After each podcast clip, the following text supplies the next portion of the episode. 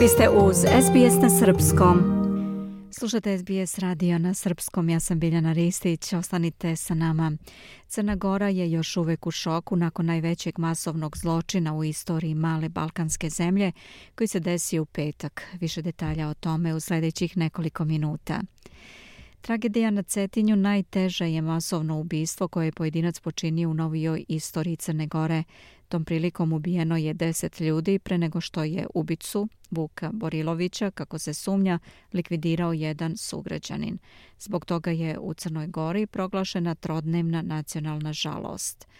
Tokom drame koja se dešavala u naselju u blizini vladinog doma na Cetinju, Borilović je prvo ubio dvoje maloletne dece i njihovu majku, koji su kod njega živjeli kao podstanari. Zatim je u narednih skoro sat vremena iz lovačke puške ciljao komšije i ubio još njih sedmoro, među kojima tri člana jedne porodice, zatim još dve sestre, još jednog komšiju, kao i svog ujaka koji je pokušavao da ga urazumi.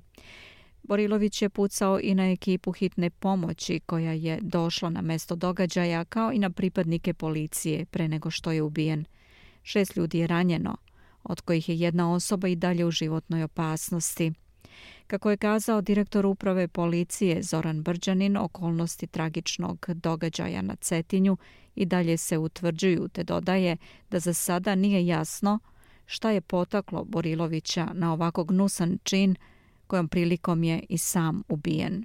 34-godišnji muškarac VB sa Cetinja pucao je na porodicu čiji su članovi boravili u prostorijama njegove kuće kao postanari u naselju Medovina. On je tom prilikom upotrebom vatrenog oružja, lovačke puške, lišio života dvoje djece, jedno starosti 8, a drugo 11 godina i ranio njihovu majku koja je u medicinskoj ustanovi podlegla povredama. Potom je izašao i pucao iz istog vatrenog oružja na stanovnike ovog naselja kojom prilikom je lišio života još sedam osoba, a ranio šest. Po pozivu građana na lice mjesta su upućeni policijski službenici kojom prilikom je u razmjeni vatre teško ranjen jedan policijski službenik. Za sada nije jasno što je potaklo VB na ovako gnusan čin kojom prilikom je i sam lišen života. Ministar unutrašnjih poslova Crne Gore Filip Padžić kazao je da policija radi na rasvetljavanju svega što se dogodilo. Ovo je dan pun bola, pun tuge, dajte da, da nas tugujemo sa familijama i da nekako kad dobijemo kompletan izvještaj vidimo što je moglo da se uradi, da li je postojalo mogućnosti da se drugačije reaguje. Ono što su moje informacije da je policajac pokušao da spriječi osumničenog, to jeste čovjeka koji je počinio ovaj, ovaj zločin, pokušao nekako da ga spriječi da je u tom pokušaju sprečavanja zadobio povrede u predijelu glave i predijelu ramena da je onemogućen. Najviši državni zvaničnici izrazili su saučešće. Predsjednik države Milo Đukanović je istakao da je duboko potrešen vešću o strašnoj tragediji na Cetinju, a premijer Dritana Bazović kazao je da se dogodila tragedija koju Crna Gora ne pamti. Biće teško sve vratiti u neku, da tako kažem, društvenu normalu nakon svega, ali vjerujem da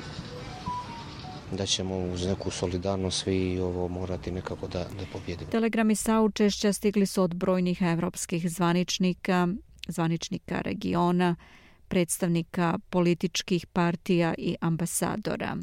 Uprava policije saopštenjem je potvrdila nezvanične informacije da je Borilović posljednjih meseci imao promene u ponašanju, ali poručuju da to nije ukazivalo na potencijalno izvršenje ovakvog zločina. Kazali su i da je tim povodom Borilović imao zakazan specijalistički pregled.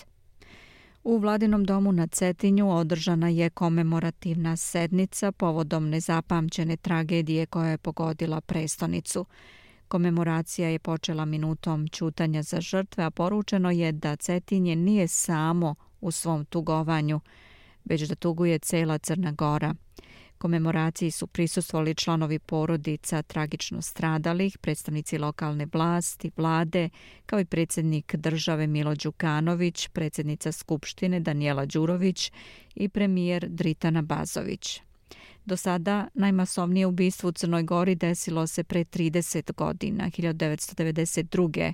u jednom selu kod Pljevalja kada je 22-godišnji mladić ubio devet i ranio još nekoliko meštana pre nego što ga je jedan od komšija zaustavio i također ubio. Slušate SBS radio na srpskom. Ja sam Biljana Ristić. Ostanite sa nama.